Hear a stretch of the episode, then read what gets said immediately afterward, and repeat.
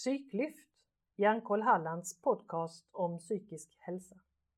Hej och eh, välkomna till dagens avsnitt av Hjärnkoll Hallands podd Psyklyft. Idag ska vi eh, ta upp tråden kring spelberoende igen som vi hade uppe som tema eller ämne för ett tag sedan. Men den här gången så ska vi ha en lite annan ingång och vinkel tänkte jag.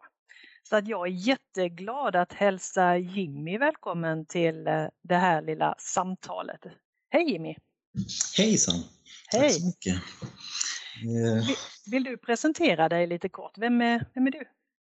Jag är Jimmy Nilsson heter jag och jag har hunnit bli 40 år nu, herregud. Det går fort. Jag eh, har eh, haft en erfarenhet av både baksidan av spelet men även då den fina, eller vad ska man säga, den glorifierande sidan från början. Och, och det slutade ju med ett svårt spelmissbruk som jag sökte hjälp för. Och mm.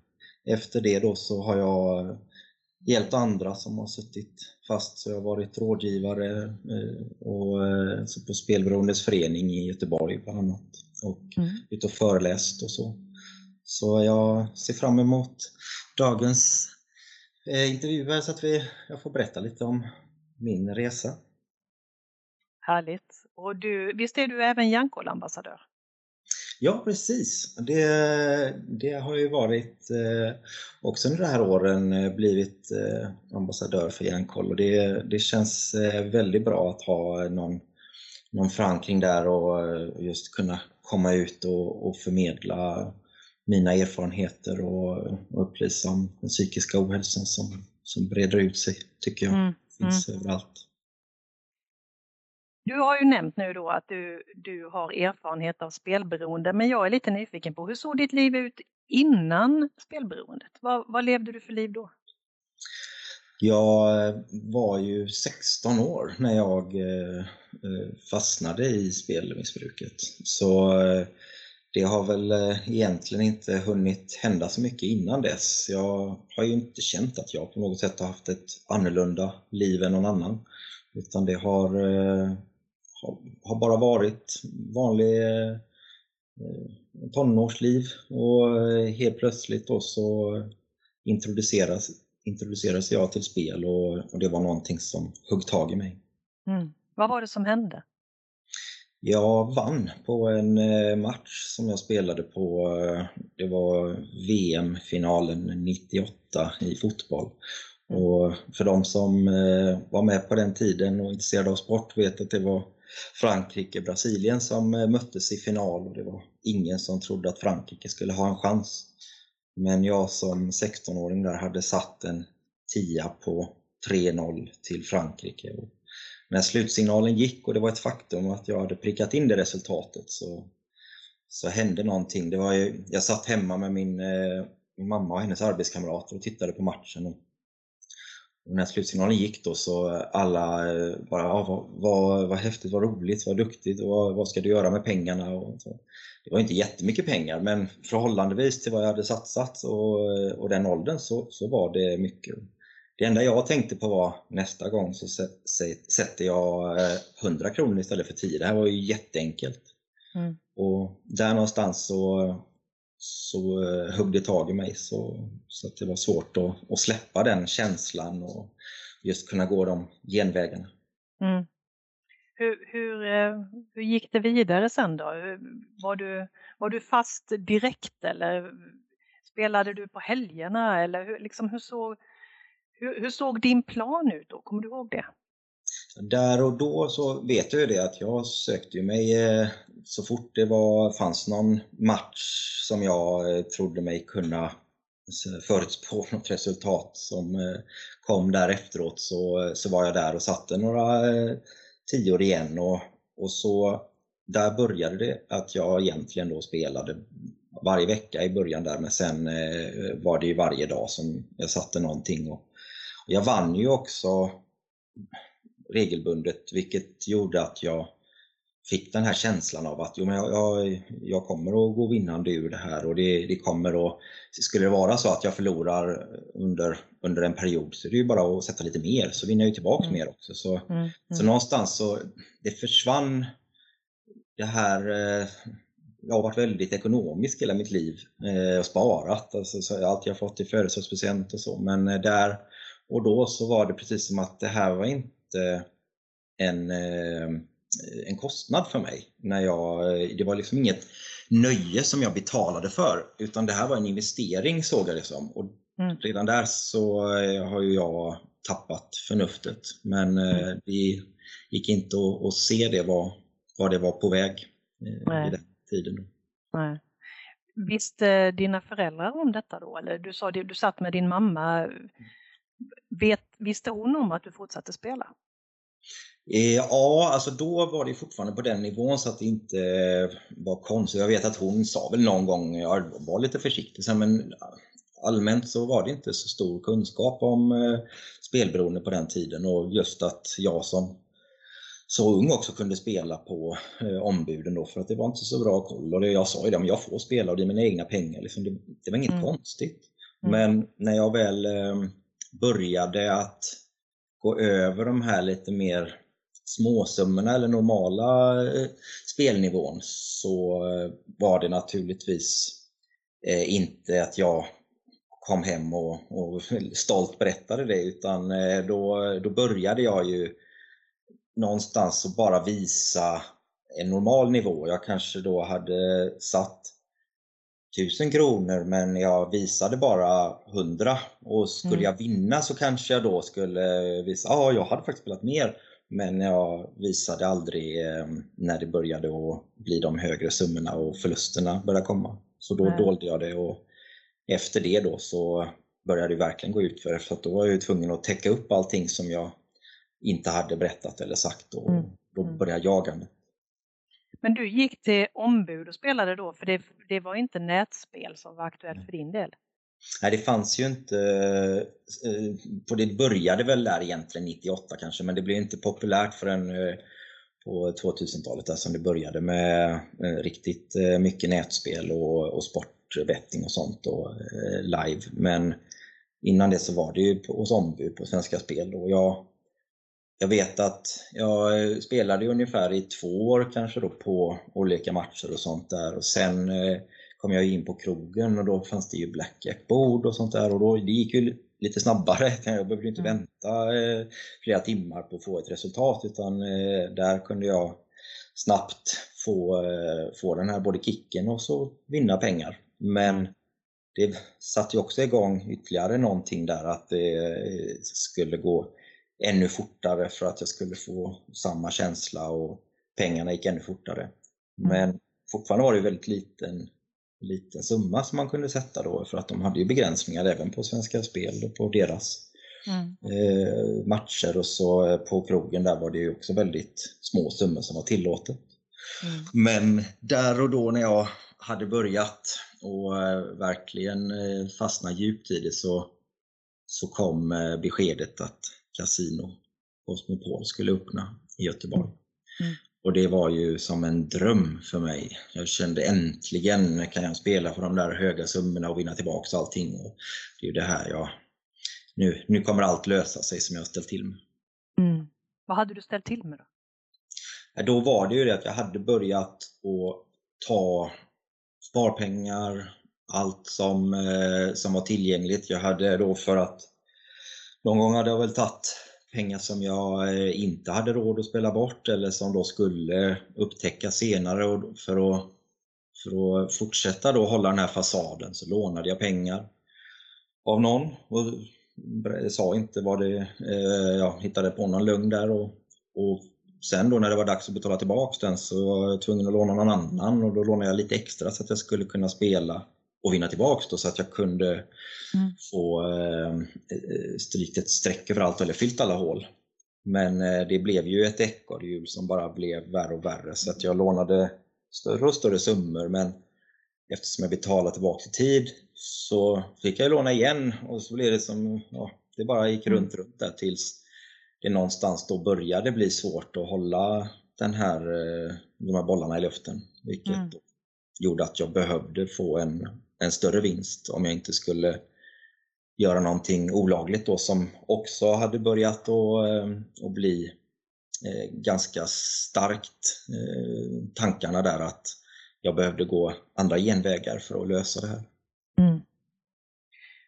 Alltså det, det, låter ju redan som att du har hamnat i en situation där det känns som att man måste verkligen vara skärpt för att kunna säga rätt saker i rätt sammanhang och säga samma saker till samma person och, och hålla en massa lögner levande. Så var det någonting som du, ja jag tänkte sagt var du bra på det, men, men alltså är det, är det så att man utvecklar en talang för det också eller det, det är en del i det hela?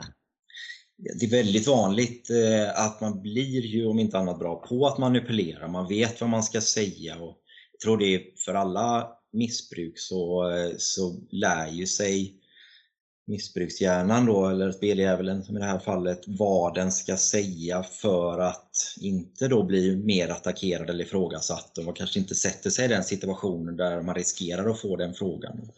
Vet man att man kommer få en fråga har man redan tänkt ut vad man ska svara för att eh, då vinna tid eller så. så att det, och jag kände mig själv som en grym manipulatör. Mm. eh, det var det, det är ju hemskt men jag, just jag kunde prata för mig, jag kunde få, det var ju en last eftersom mm. det bara gjorde mm. att jag kunde gräva graven ännu djupare utan att mm. det uppdagades.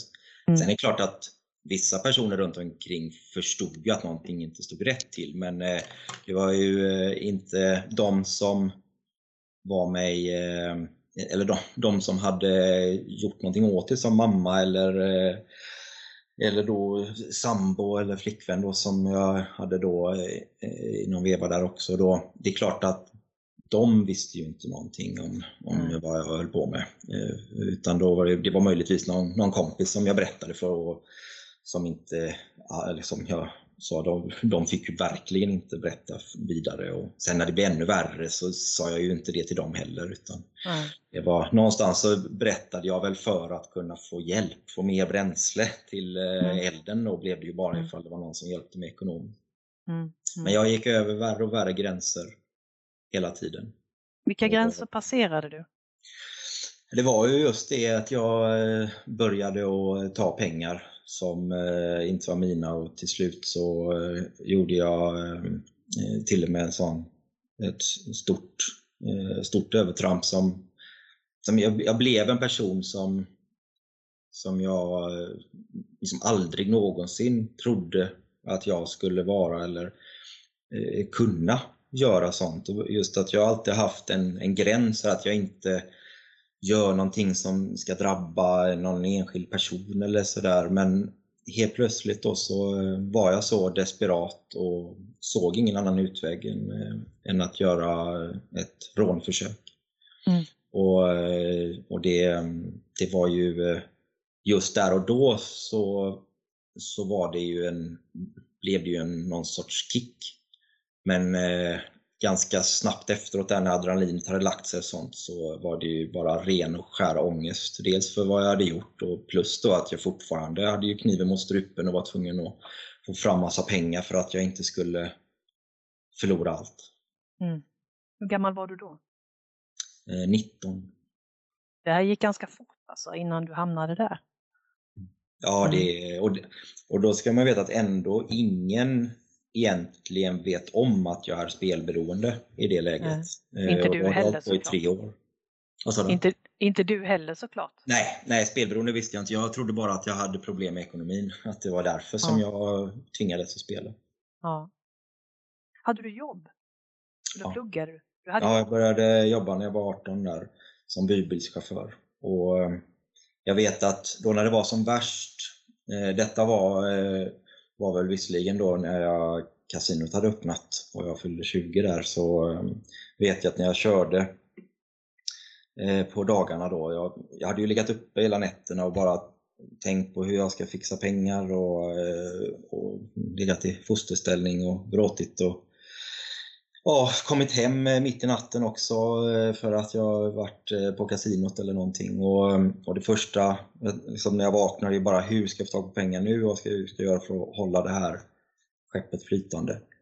Och rädda upp då allt som hängde på en skör tråd. Både lägenheten, jag var efter flera månader med hyran, jag var jag var, hade tagit pengar ur kassan på jobbet.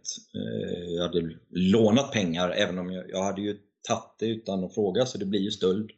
Mm. Men jag hade däremot jag hade lagt en lapp att jag hade lånat pengar. Så jag behövde ju få tillbaks dem innan någon upptäckte det. Och, mm. och, det, och samt då min dåvarande sambo som eh, inte visste något och det höll ju på och det skulle ju skära sig fullständigt ifall det uppdagades vad jag hade mm. ställt till och, och gått mm. bakom ryggen. Så att där och då vet jag när jag körde budbilen så höll jag ratten med fingrarna på undersidan bara för att jag skulle vakna eh, till när, om, eller när jag somnade vid ratten för att jag någonstans jag, jag var ju så eh, utkörd och jag körde så fort det bara gick för att jag inte skulle somna. Och det mm.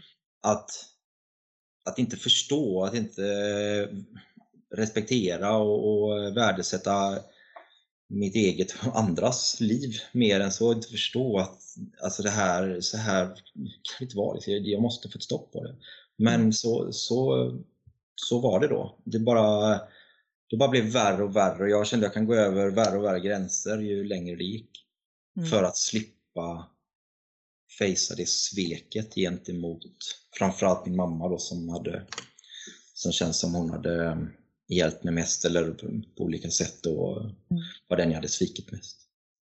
Du började berätta om, om den här kicken som du fick och liksom adrenalinpåslag och så utav vinsten. Men nu låter det ju som att den kicken finns inte längre. Nu är det snarare ångest, ren och skär ångest och, stresspåslag och, och en, en känsla av kaos. Och, och, det du sökte nu låter ju mer som att det var en befrielse eller en lösning eller någonting sånt där. Stämmer det?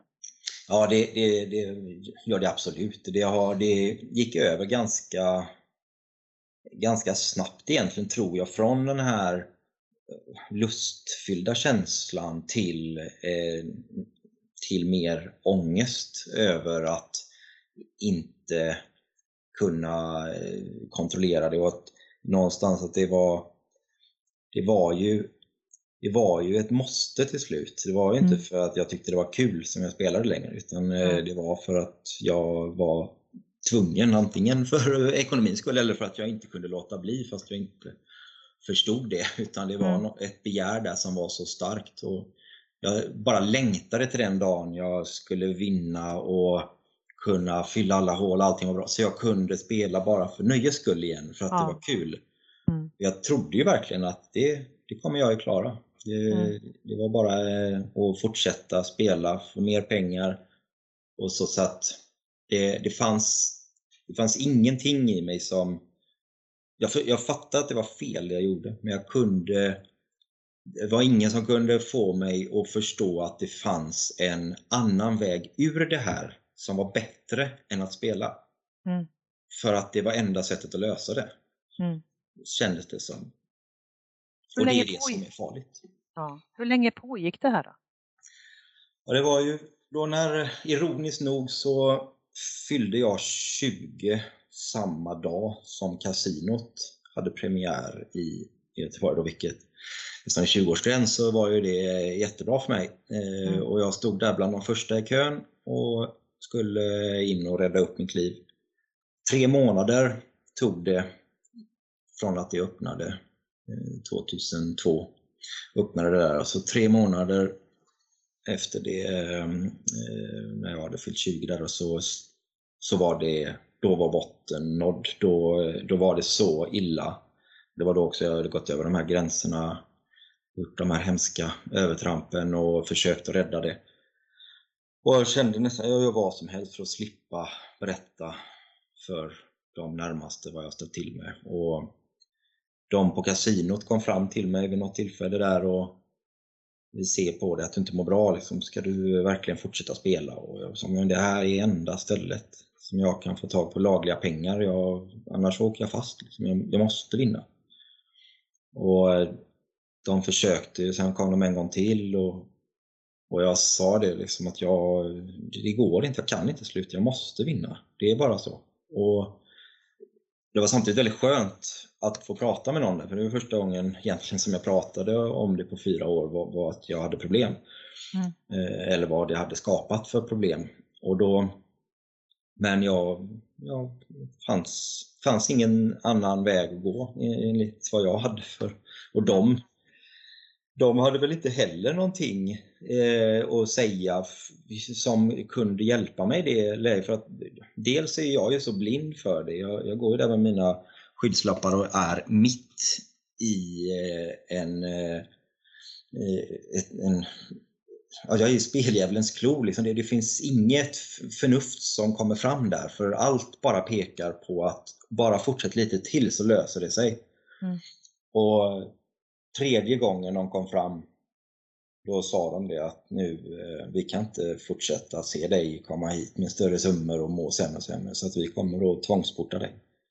Och om du eh, det, och då sa de det är bättre att du gör det själv nu eftersom du kommer att behöva hjälp av social eller vad som liksom olika sammanhang då för att eh, klara av allt jag ställt till med. Och då sa de, då ser det bättre ut att du har tagit steget. Jag tror de lurade mig faktiskt, för jag tror inte de får tvångsporta mig om jag inte gjort något fel. Men eh, så det var, det var smart av dem att göra det. Och eh, det var till och med så fint att hon som var den spelansvars, eh, eh, ja, den personen där som hade hand om spelansvaret, hon, hon tog mig eh, i handen och sa det att vi går tillsammans till eh, den föreningen, Spelberoendes förening i Göteborg. Så vi gick dit på ett möte och jag tror att det var då de, hon hade nog, de hade nog eh, lagt upp det så, så att det skulle vara möte just den dagen. Så att vi gick dit och, och det var, jag hade ingen aning om vad det var för något. Jag, jag, jag trodde att det satt gamla gubbar där och snackade spelsystem och skulle lära mig att spela lagom. Jag hade ingen aning vad det var. Men eh, det var, det var en av de eh, bästa Alltså det var en av de värsta dagarna i mitt liv, men det var också en av de bästa dagarna. Just att jag förstod att jag inte var ensam. Mm. Och det var inte gamla gubbar som snackade spelsystem där?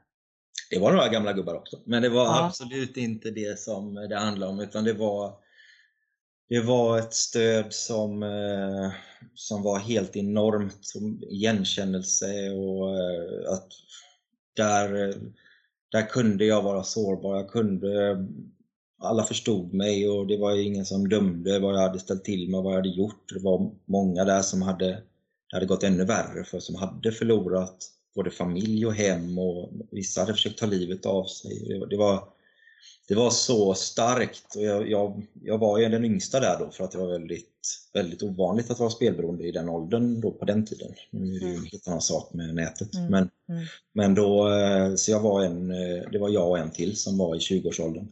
Mm. Och, eh, och jag hade ju kommit väldigt långt för att bara vara 20 eftersom jag hade hållit på i fyra år och ställt till det så mycket. Mm. Så att jag blev väldigt engagerad i, i föreningen där och det var som sagt var fantastiskt att, eh, att den gemenskapen och att någonstans våga blotta sig för personer man knappt känner men ändå få den här underbara med känslan där med tillsammans och det var en samhörighet som, som var ovärderlig. Mm. Jag förstår att det måste ju ha varit en, en känsla av befrielse på något sätt att äntligen kunna prata med folk som förstod vad det handlade om. Men fick du insikt där och då eller hur lång tid tog det innan du insåg att du var spelberoende? Fortsättning följer. Missa inte nästa avsnitt!